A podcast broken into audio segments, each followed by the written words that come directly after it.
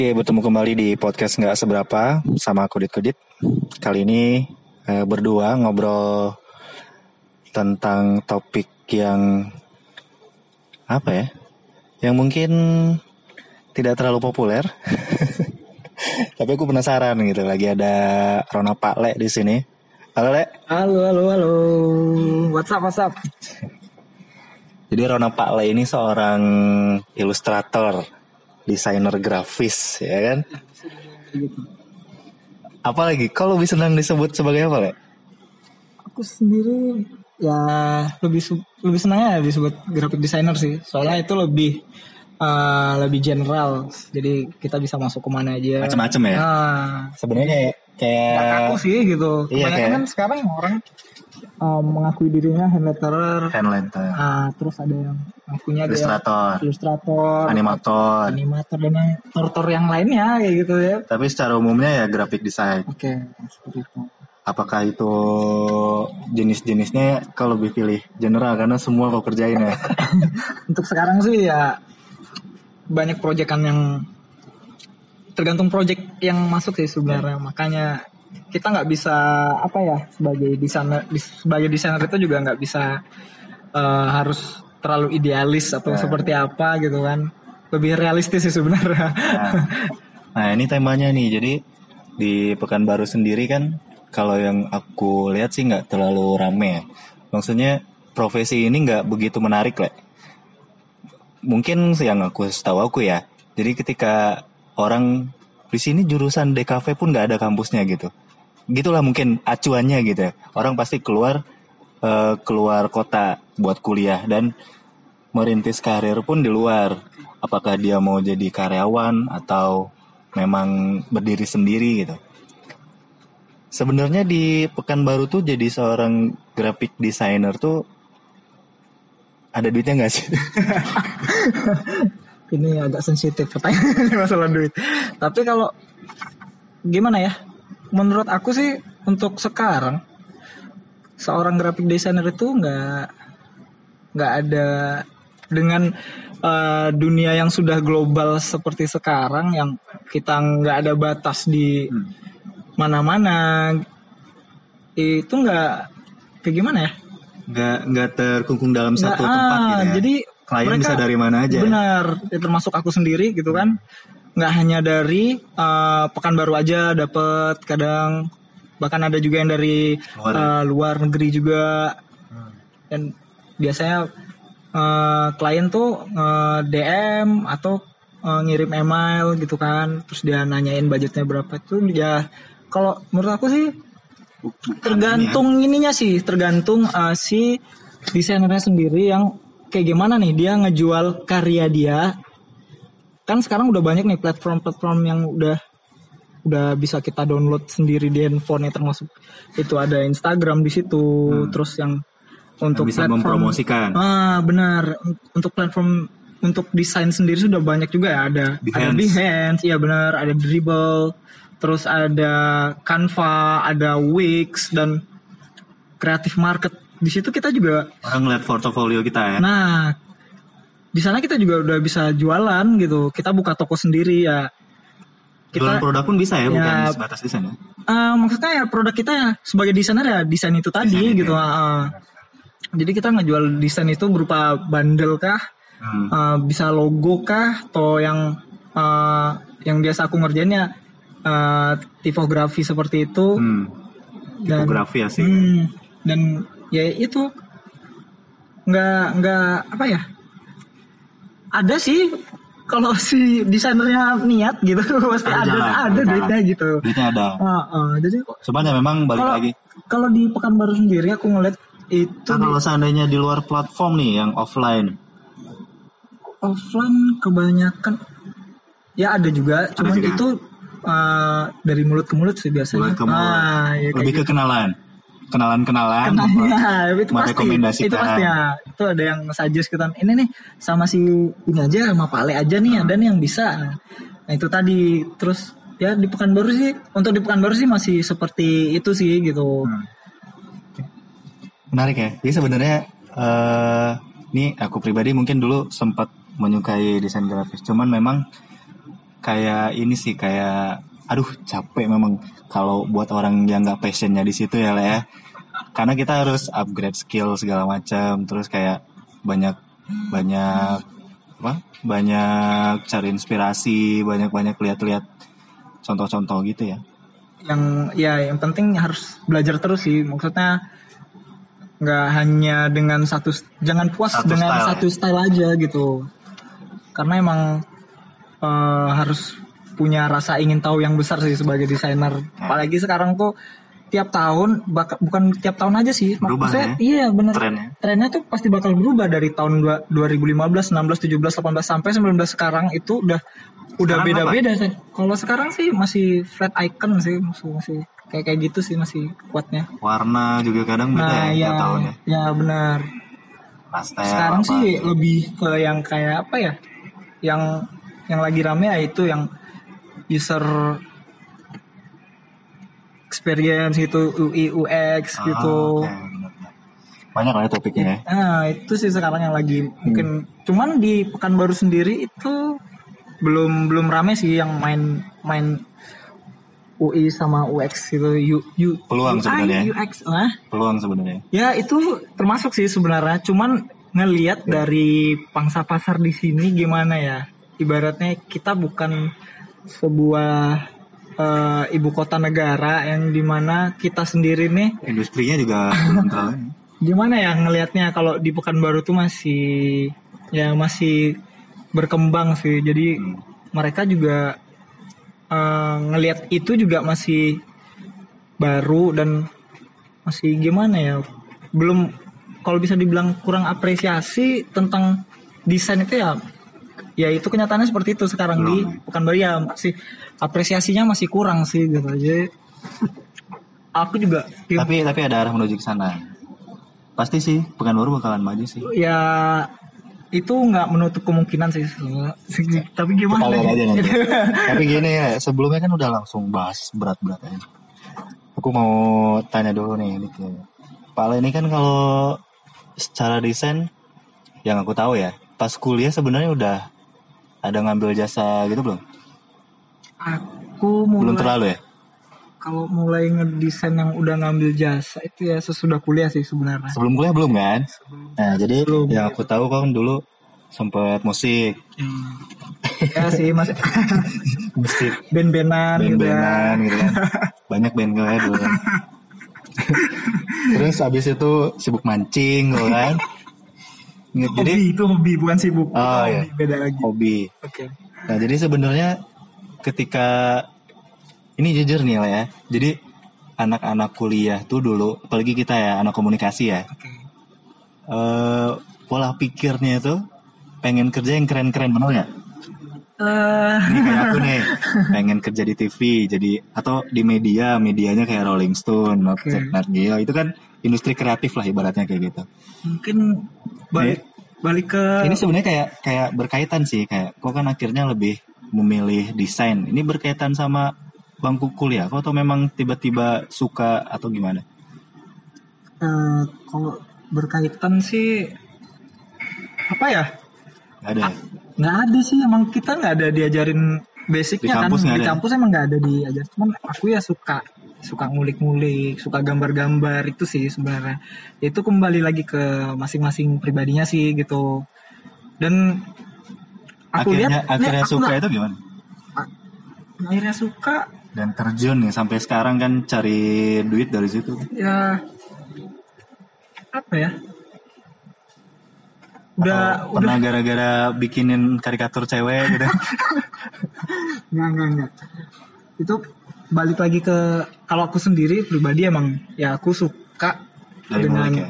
dengan dengan desain. Aku suka desain, aku suka gambar. Terus ternyata di situ ada peluang dan sekarang memang terlihat bahwa eh, sebuah desain itu ada harganya loh kayak gitu. Ya kau sempat kerja di apa percetakan juga ya? Ya itu Apa sih percetakan atau digital apa? ya jatuhnya kayak percetakan sih awalnya. Kayak percetakan ya, Iya. ngerjain muk Ah, gitu ya. Jasa-jasa seperti Dari itu. situ ada andil juga nggak mengembangkan skill terus minat jadi akhirnya lebih dalam gitu. Pasti pasti ada Pasti sih ya. pasti ada itu sedikit banyaknya ada pengaruhnya juga sih gimana kita ngelihat eh, peluang sih dari situ Hmm. dan itu ya apa ya pengen sih eh, membesarkan sebuah pengen punya sebuah kayak corporate yang besar gitu di Pekanbaru nah kebetulan eh, aku juga sekarang lagi jalan sama teman-teman juga ada Kreatif. kreatif ya kreatif. Nah, kayak Salah satu bagian di situ ya. nah, kreatif agensinya. Dan kebetulan aku di- sebagai graphic designer ya. Hmm. Mulai tahun berapa tuh Le, kreatif gabung? kreatif itu sudah ada dari 2016 2016 akhir aku gabung itu 2018 2018 sebagai desain desainer grafis. Ya. Berapa orang desainer grafis?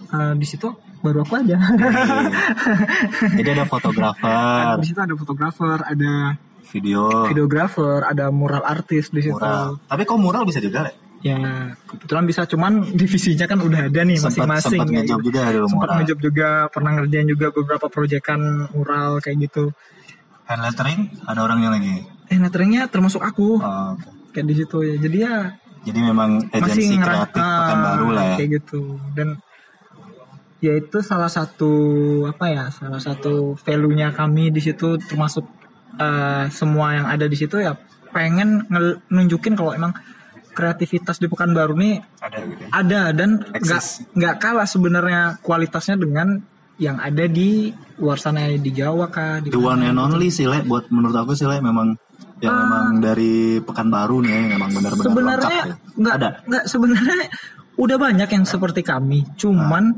mereka mengemasnya tuh kurang kurang apik sih Kurang kekinian ya, gitu ya. kurang Ada agensi yang mungkin sebenarnya udah banyak sih yang yang kayak ngurusin uh, branding, Branding. company profile Yes. untuk bikin video uh, perusahaan ini dan lain-lain itu udah udah banyak Nah. cuman ya mereka kurang kurang modern sih aku Hmm. ngeliat kurang kekinian yang akan bilang tadi nah itu yang dan kami hadir di sini juga uh, ya membawa warna baru lah yang fresh lah biar biar mereka tahu kayak gimana sih sebenarnya industri kreatif itu gitu kan Benar. kami pengen di Pekanbaru nih mengapresiasi gitu intinya awalnya tuh target kami eh, harus bisa Educate dulu ya. eh, ya mengedukasi dulu biar masyarakat di sini tuh yang eh, biar ngeh dengan ya contohnya kayak yaitu desain tadi untuk eh, branding tadi itu the power Sebenarnya, of brand itu Hmm, itu SDM-nya ada ya ya. Orang-orangnya jago. banyak banyak kalau di, di Pekanbaru banyak cuman ya eh, kembali lagi apresiasi dari masyarakat di sini juga masih belum belum belum bisa lah gitu menerima dengan ya misalnya eh, kita ngerjain project eh, ada yang nawarin nih eh, tolong dong branding nih ada bikinin eh, produk eh, terus kami tawarin dengan eh, budget yang menurut kami itu udah sesuai gitu dengan Pasaran dengan, dengan inilah ya. gitu. Maksudnya dengan produk-produk eh maksudnya dengan Kualitas yang akan disajikan kualitas gitu dan ya. eh, kami kan biasa kayak bikin apa ya istilahnya di situ tuh kayak Price list. price listnya gitu udah udah udah ada itunya semuanya itu udah udah menurut kami udah masuk akal Kalau sih budget gitu kamu segini kayak gini jadinya. Nah, jadi maksudnya di Benar. situ, ya, di situ Paket-paketan. ya, paketannya tuh udah masuk akal sih semuanya. Cuman ya di sini masih nganggap itu mahal gitu. Maksudnya Ah, oke. wow gitu. Kami kami sendiri juga nggak nggak bisa maksain karena itu emang ya si kliennya sudah menganggap seperti itu terus kami ya berusaha lah kami jelasin ini sebenarnya eh, teknisnya urutannya kayak gini nih bikinnya gini gini gini gini gini gini Ya sampai nggak ngerti proses kreatif. Nah, dari situlah kami mengedukasi mereka tuh biar mereka eh, akhirnya mengerti bahwa lah oh ternyata kayak gini ya, oh pantas budgetnya segini, oh pantas budgetnya itu yang lagi. Misinya ya. Nah, eh, seperti itu. Jadi Keren, keren. eh, maksudnya biar biar mereka masyarakat di sini tuh pada ngerti aja gitu kan. Sebuah proses kreatif Pasti itu nggak pelan-pelan. segampang yang nggak sepicing mata langsung jadi itu nggak ada sih kayak gitu proses kreatif itu. Kayak gitu sih semuanya ada ada tahap-tahapnya kayak gitu Jadi proses eh, idealismenya gitu ibaratnya Ah, gitu. iya. Jadi selain memang eh, satu apa kalian sebut agensi atau masih masih agensi sih agensi ya. Eh, termasuk periklanan berarti ya yang itu, lokal lokal iya, termasuk. desain video. Nah, ya itu termasuk. Kemarin juga sempat ada kayak bikin proyekan bareng uh, salah satu akun apa ya? Instagram Ya di Instagram Brosis. itu. Nah, Brosis PKU itu. sebut. Iya. itu bar- bareng Brosis uh, bikin video Itu kerjasama ini atau secara profesional kalian dibayar? itu jatuhnya emang Kolaborasi. kolaborasi kolab sih kami di situ. Hmm. Nah, dan di situ kami liatin Kolaborasi mungkin eh, si Brosis punya misi yang sama juga mungkin Nah. pengen, pengen edukasi masyarakat. benar kayak gitu sih biar biar ya, untuk di video itu sendiri ceritanya eh, menggambarkan Pekanbaru itu gimana sih kayak gitu Hmm. mulai dari eh, apa namanya mulai dari pagi kegiatan pagi hari masyarakatnya seperti apa sampai ke malam harinya jadi si- di situ intinya ngeliatin bahwa Pekanbaru nih kayak gini loh gitu nah itu udah yang proyekan yang itu udah udah udah kelar gitu. Ya, tapi secara ini nih eh orderan. Kan balik lagi nih kan dari dari kau sekarang join di kreatif tapi Ah, ah, nggak ah, menutup orderan pribadi dong? Ya. Atau memang lewat kreatif dulu sekarang? Sekarang nih udah kayak di filter gitu Pak. jadi maksudnya kalau ada yang gede ya udah kita bawa nama si kreatifnya tapi kalau yang masih eh, kecil-kecilan atau yang ya itulah sih. Ya, walaupun secara ini ngontak aja. pribadi ya. ya. Oke jadi di di di apa ya? Di relate nggak lah. mungkin kayak kayak kalau memang kliennya itu gede gitu ketika ngelihat oke ini satu satu company yang yang settle gitu kan Ah, kreatif gitu. Otomatis mereka agak segan nawar mungkin kan. Berarti bukan segan nawar lebih percaya sama kualitasnya gitu. ya mm, gimana ya Eh, nggak nggak bisa juga sih jadi patokan mereka besar mereka nggak nawar gitu. Oh, iya? Oh! Itu namanya klien walaupun dia udah eh, ini ada salah satu boleh disebutin gak nih? Boleh disebutin gak ya? Oke. ada ya kayak contohnya kemarin ada ngerjain proyekan buat eh, mandiri. Hmm. mandiri di sini. Video? Video. Nah, itu mereka ibaratnya ya udah nawarnya udah jauh juga. Kemarin aja juga proyekan mur- mural juga. dikiranya Di mungkin kalian kayak juga. kayak usaha-usaha mahasiswa gitu Nah, itu, itu kadang ya ya maksudnya corporate juga ngelihat si SDM-nya kan, maksudnya manusianya itu ya manusianya tetap aja nawar-nawar juga nggak nggak bawa nggak peduli dia bawa nama corporate apa kayak gitu ya. Kalau bisa di press ya di press kayak gitu sih sebenarnya. Ya aneh-aneh aneh-aneh sih sebenarnya. Berarti kau sendiri pasang tarif dari kreatif sama pribadi beda untuk desain?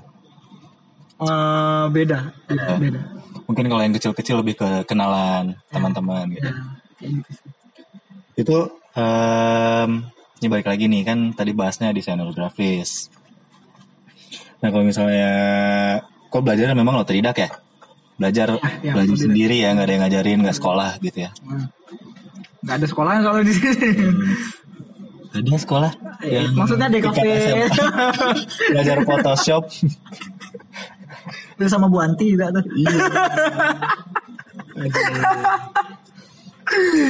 Tapi emang ini sih kayak ketika kita greget gitu ya passion gitu kan. Jadi mengulik sendiri gitu nah kalau sendiri nih kalau dari ngerjain project-project kan kalau aplikasinya macam-macam ya? Ya. Apa nih yang paling dikuasai? Sejauh atau paling sering ini dipakai sejauh ini masih Adobe sih. Yang jelas uh, Photoshop sama Illustrator. Nah itu udah udah dua itu udah udah wajib sih sebenarnya. Tapi sebenarnya didukung dengan kemampuan lettering juga ya? Menggambar manual ya itu Iya. bakalan lebih masuk sih kayak Iya, bikin seperti- logo tuh Iya seperti itu sih maksudnya dari eh, apa kemampuan individual, maksudnya kemampuan si tangan kita yang Ah. alami dengan eh, bantuan aplikasi itu emang Didapat gitu. Iya gitu. Maksudnya harus harus apa bisa membentuk sesuatu yang baru gitu. Ya, soalnya Karena soalnya emang lebih terasa sih. Kalau misalnya kayak apa sih, wi wi- iPad apa? yang mana? Yang gambar langsung masuk ke komputer tuh. Alat apa sih namanya kayak iPad? Banyak sih ada ya iPad bisa juga, Wacom bisa Wacom, juga. ah, nah, Ah, Wacom. Wacom Dia kan bisa juga. langsung gambar gitu. Ya. Cuman ya itu tadi kalau emang dianya belum belum belum terlatih ya itu juga ya kembali lagi ke bakat alaminya sih sebenarnya kayak gitu. Kalau Tapi sebenarnya itu bisa di apa sih? Bisa bisa dilatih sih sebenarnya. Bisa dilatih. Hmm, kalau kau paling banyak proyek apa nih? Logo. Logo sih masih masih branding company, branding identity. Ya, Logo macam-macam kayak brosur gitu ya. Sepaketan gitu atau satu-satu? biasanya kayak gitu emang eh, aku ngasihnya paketan gitu sih Eh, kayak stationery kayak apalagi ya ya untuk konten media sosial dan yang lain-lain kayak gitu dipaketin semua sih Kalau di apa paling gede nih? Paling gede atau paling jauh mungkin? Atau nilainya dulu ya? Nilai paling gede nih dari perusahaan apa? Paling kecil-kecil nih emang bantu temen ya.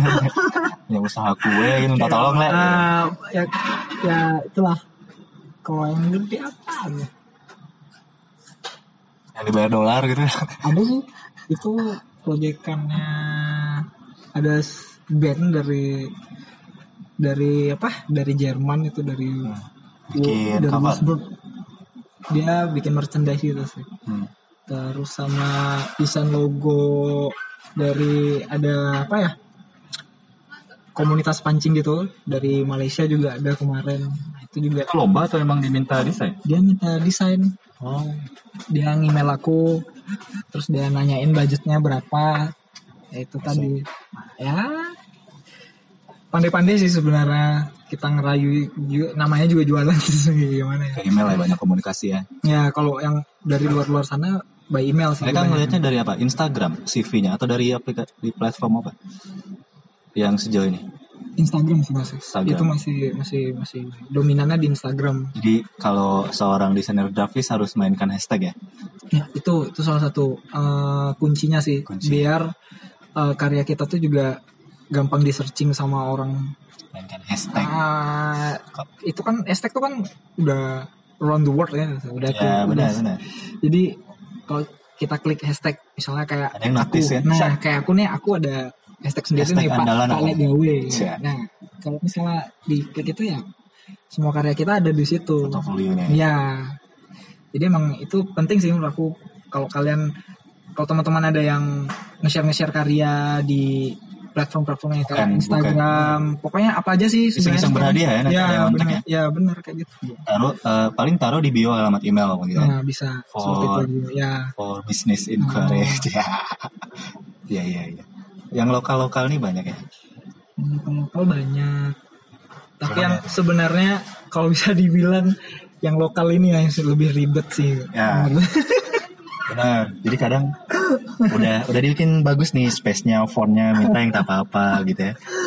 itu udah jadi kayak apa ya cerita sehari-hari soal para para desainer tuh Ya. seperti itu gitu kita Revisi, revisi. kita udah udah ngasih yang terbaik nih gitu maksudnya yang menurut kacamata kita Kaidah udah perdesainan. nah, et- ah, apa estetik estetik- estetika desainnya tuh udah ini udah pas nih fontnya kayak gini lekuknya warnanya ini udah pas nih seperti ini tapi ternyata si kliennya ya, Kekecilan gitu. bukan kekecilan kadang dia minta warna yang ngejreng atau Nabrak-nabrak gimana? gitu. Nggak, kadang, udah- kadang kalau kita bikin logo kan kecil aja kan, kayak Le. pertempuran hatinya kan di situ sih sebenarnya. Fontnya, enggak. fontnya ini terlalu tipis gitu. ini diganti dong. T-nya kayak huruf salib nah itu ada Aduh. juga yang kayak gitu. Padahal itu kan udah dari mereka yang bikin font kan ya udah emang udah seperti itu patternnya gitu kan. Tapi mereka juga ya ya namanya Malah klien yang- kayak malah- gitu kan. Malah yang lokal-lokal ya. yang agak ribet tuh seperti itu. Ba- bahkan ya ada yang ya sebenarnya aku rasa udah banyak nih cerita-cerita yang seperti itu. Misalnya udah ada yang nanyain gitu Eh, eh, nanyain bikin logo berapa sih? Eh, terus kita belum nyebutin harga nih gitu. Tentu kita sebagai desainer kan kita apa ya eh, nanya dulu nih Hmm. eh, produknya apa, terus eh, filosofinya apa nih si brandnya kayak gitu. Kita ngebrief dulu nih orangnya, kita tanya dulu gitu kan, seperti apa. Terus sampai akhirnya baru kitanya nih ngajuin budgetnya sekian gitu. Nah, nggak banyak sih yang, eh maksudnya nggak sedikit yang bilang kalau Mengingatkan dahil. Hmm, hah? Masa segitu sih mas? Hah? Mahal banget mas? Nah, itu nggak nggak sedikit yang seperti itu. Sampai sampai ada yang bilang, aku kira dapat lima puluh ribu mas bikin logo katanya. Oke mbak, search aja di Google. Logonya sendiri. sekarang banyak aplikasi. Iya. All-shop yang yang niat-niat setengah hati ada aplikasi itu. Aduh. Dan all-shop juga banyak. ya. Photoshop banyak banyak banyak. Ya, kadang kita nenggang juga ya karena mungkin mereka baru memulai usaha ya, ya. Nah, itu tadi sih yang kayak Akang bilang tadi ad- ada budget berapa, jadinya ya seperti itu gitu. Maksudnya Kita kita, pun nggak menyesuaikan terlalu- dengan budget nah kayak gitu. Ya benar. Nyesuaiin budget si klien tuh berapa kayak gitu. Yang dibutuhin apa aja gitu. Selain logo dan yang lain-lain gitu kan. Ya itu sih. Utamanya bukan baru ya, masih banyak yang estetiknya nggak masuk ya.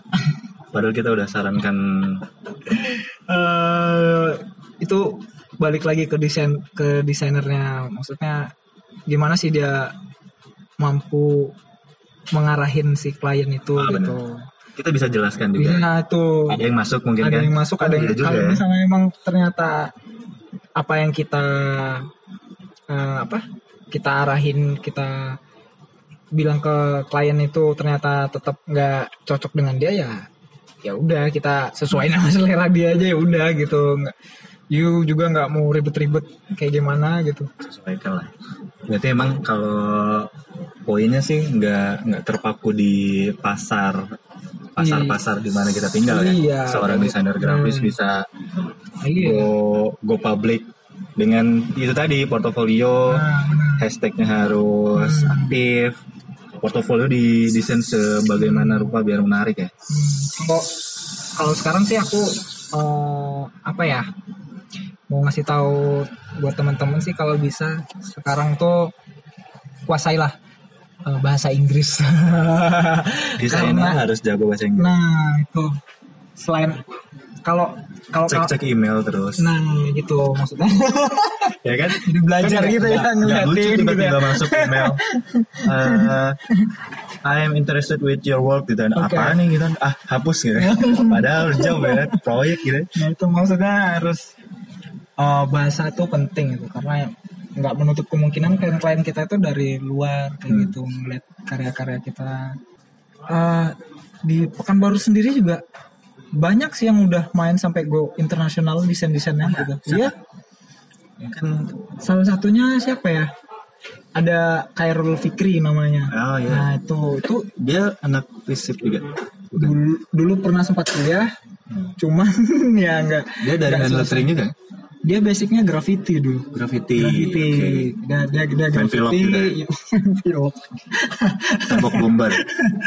dulu, dulu dia basicnya di graffiti terus kemudian akhirnya eh, main ke hand lettering sampai ya sampai sekarang usahanya itu gitu maksudnya dia karya dia udah udah udah banyak dipakai sama orang-orang di luar sana kliennya udah nyampe ke mana-mana kayak gitu nah jadi buat teman-teman yang lain tuh ya jangan jangan malu lah berkarya dan jangan Perluas ini juga ya. Hmm, Perluas wawasan. Apa sih?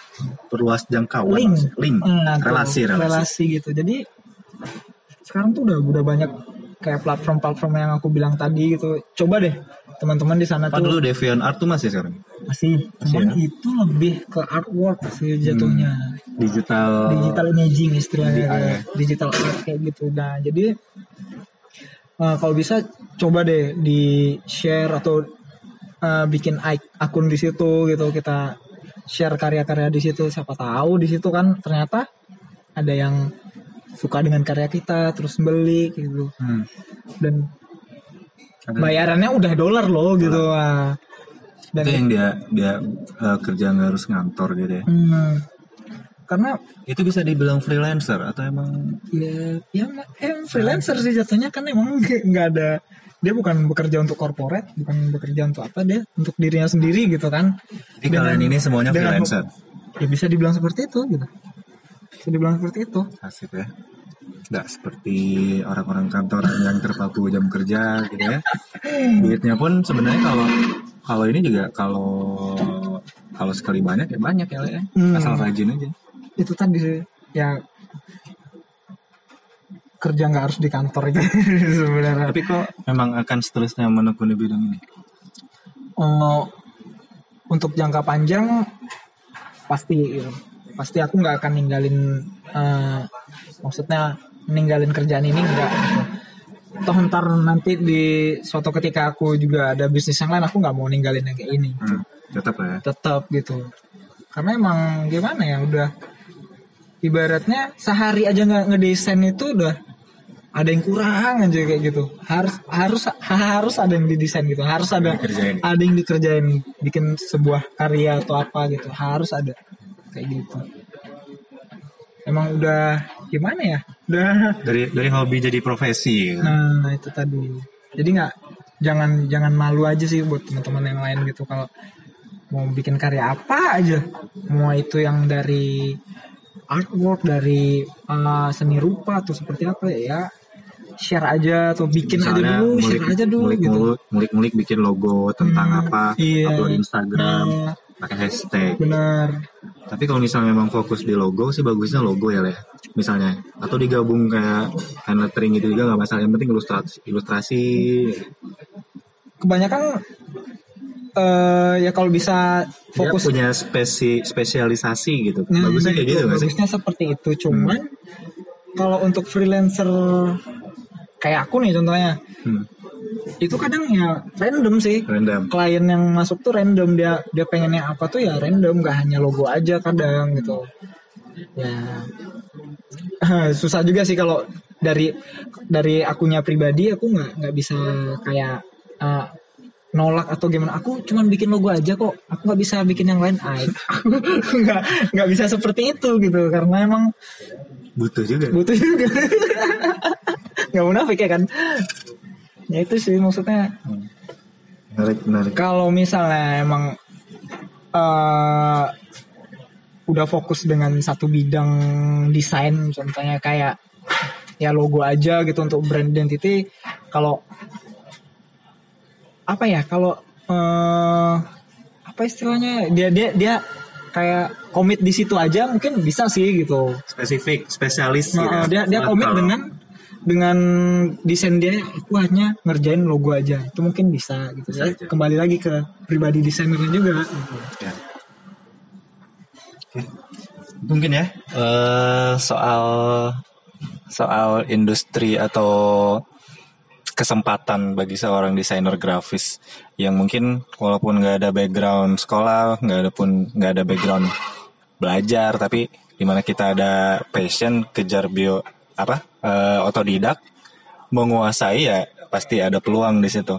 Apalagi sekarang era era digital ya, Le, ya. Nah, semua semua nggak terlepas dari desain grafik sekarang Sedangkan kita aja yang sekecil apa pun halnya itu hal sekecil sekecil apa pun itu nggak lepas dari desain grafik sekarang dari pasti awalnya dari desain gitu aja dari kita mau buka usaha mikirin logonya dulu. nah, benar Kita mau mau promosi mikirin uh, Ah, update apa? ya? Benar, ya kayak template-nya, Template-nya. seperti untuk konten media sosialnya seperti apa kayak gitu. Itu Sedangkan sedangkan kita berusaha tanpa tanpa desain yang menarik sekarang mana mana Nah, benar, benar, benar itu benar tuh. Aku ya, nah, kan? setuju. Aku setuju sama Akang.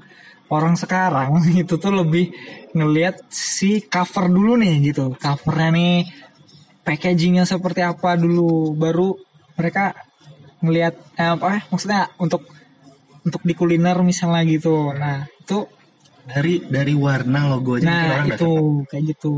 dari fit lah fit Nah, benar, benar. fit Instagram itu menarik fotonya bagus terus kayak template-nya bagus Benar. Kita yakin sih benar ah.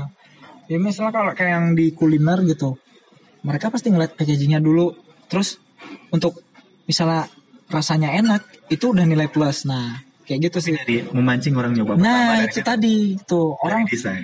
orang kalau ngelihat sesuatu yang unik itu kan kayak gimana ya? Kayak jadi pengen pamer gitu sekarang kan. Apa apa kan pamer sekarang. Insta story gitu kan di update di mana mana gitu kan. Terus ya itu enggak yang jadi trigger buat yang lain gitu. Eh lu beli di mana nih kamu beli di mana nih beli minum ini di mana nih beli kenapa ini? kok nggak buka nggak nggak buka jasa template insta stories gitu? gimana ya misalnya nih kau buka paket online shop tuh kan Hah? paket insta stories promosi usaha gitu kalau sekarang Gini, nih gini. eh buk- aku bukan ngerjain Insta Story sih sekarang Tapi udah gitu. banyak- tapi aku ngerjain banyak proyek kon- juga ya? konten media sosial yang sekarang aku pegang jadi oh ya Ah, ada yang- benar. ini udah ada dipegang. ada ini aku ngerjain eh, project ini per bulannya aku harus ngerjain 36 postingan selama sebulan jadi Fit. Iya untuk fit. Jadi untuk fit jadi mereka ngasih ngasih ngasih apa ya ngasih draftnya ke aku terus aku kontennya apa gitu. uh, kontennya apa terus aku coba memvisualisasinya lah di situ Hmm.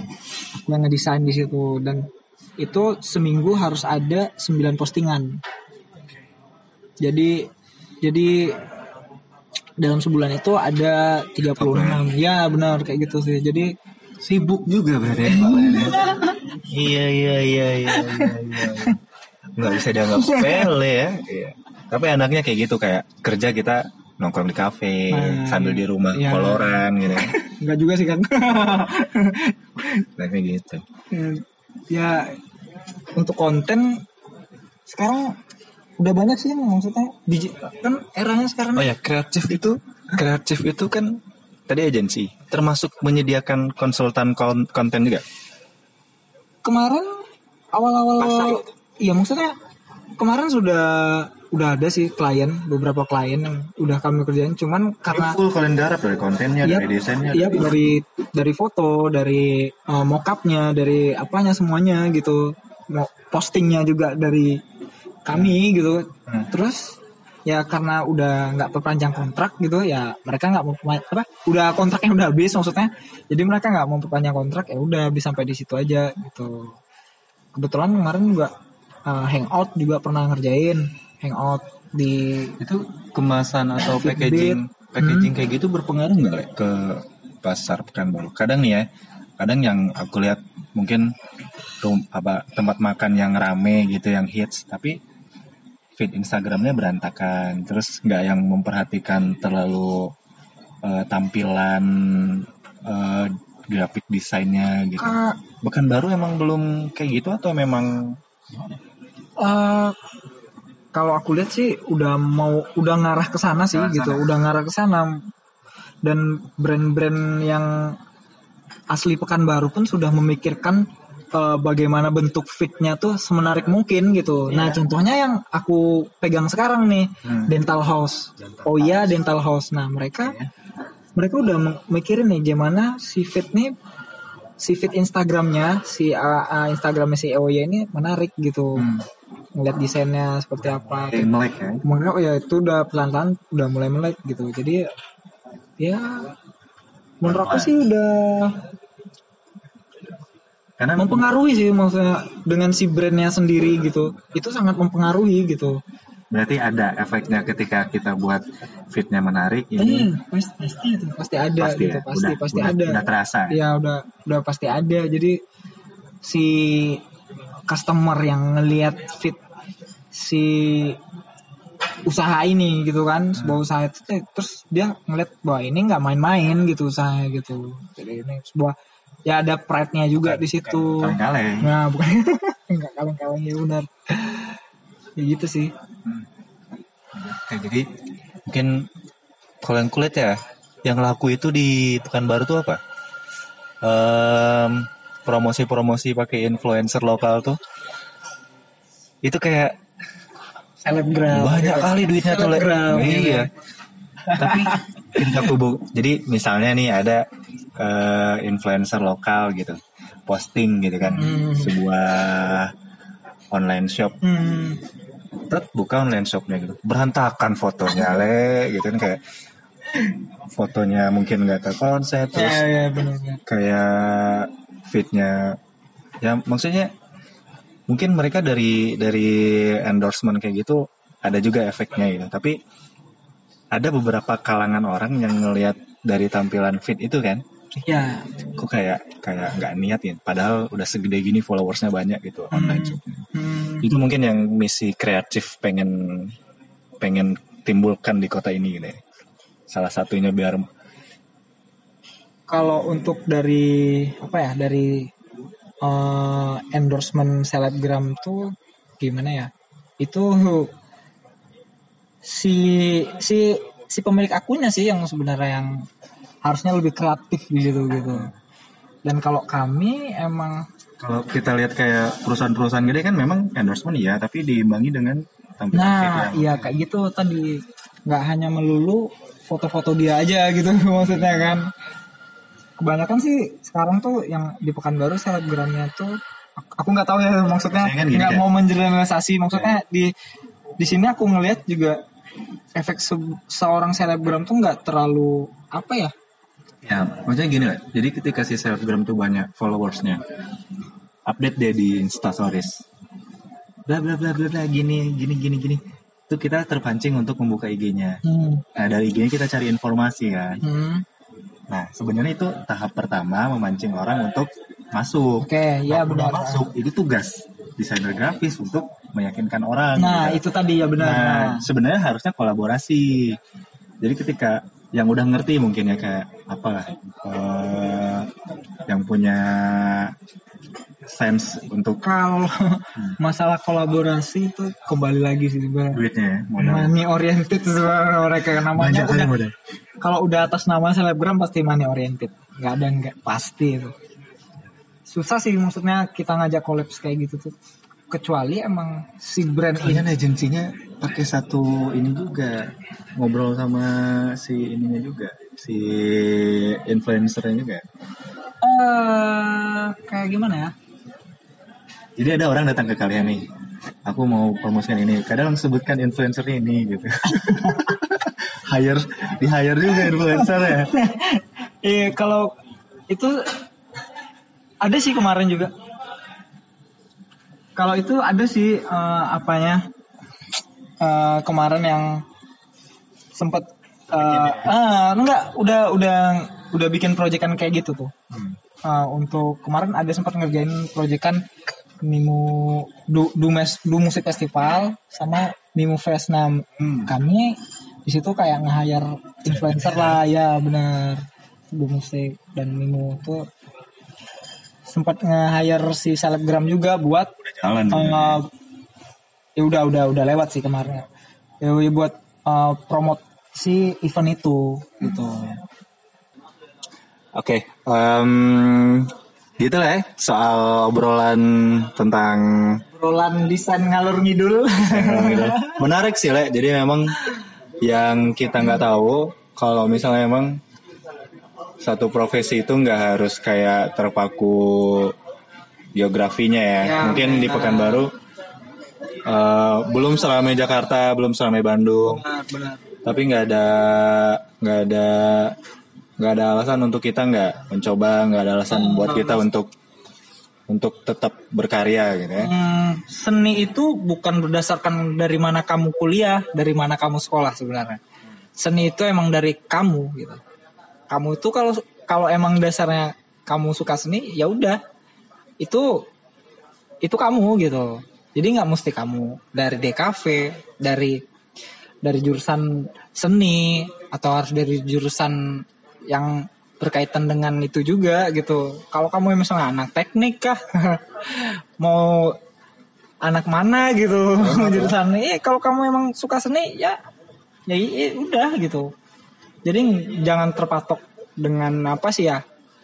Terpatok dengan gelar kamu atau seperti apa. Tapi ya kalau kamu emang ingin berkarya ya udah berkarya aja gitu. Jangan jangan eh, jangan berpatok pada gelar kamu sih atau gimana itu aja sih maksudnya. Lebih lebih luas lah pemikirannya ya.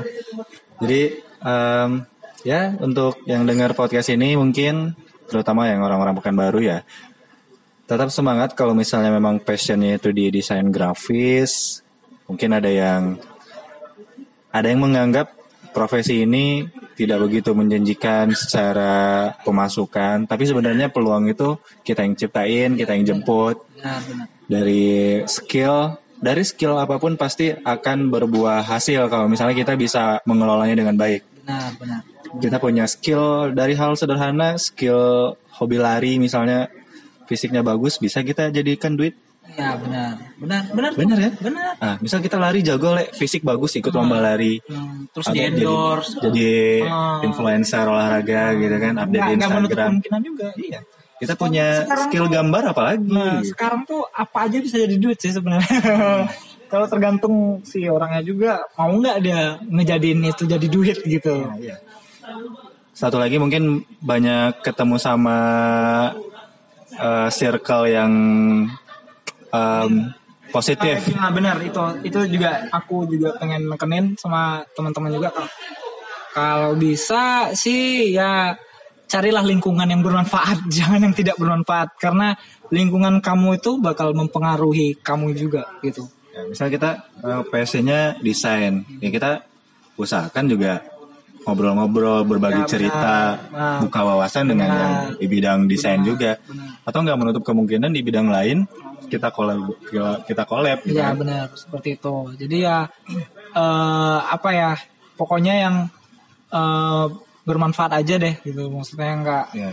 yang nggak buang-buang waktu biar, kamu gitu. biar skill kita tuh diarahkan ke hal yang positif dan menghasilkan Benar. daripada skill yang memang akhirnya kita kita jago nih tapi kita nggak manfaatkan kita nggak pakai akhirnya kan skill tuh lama-lama hilang Ya benar.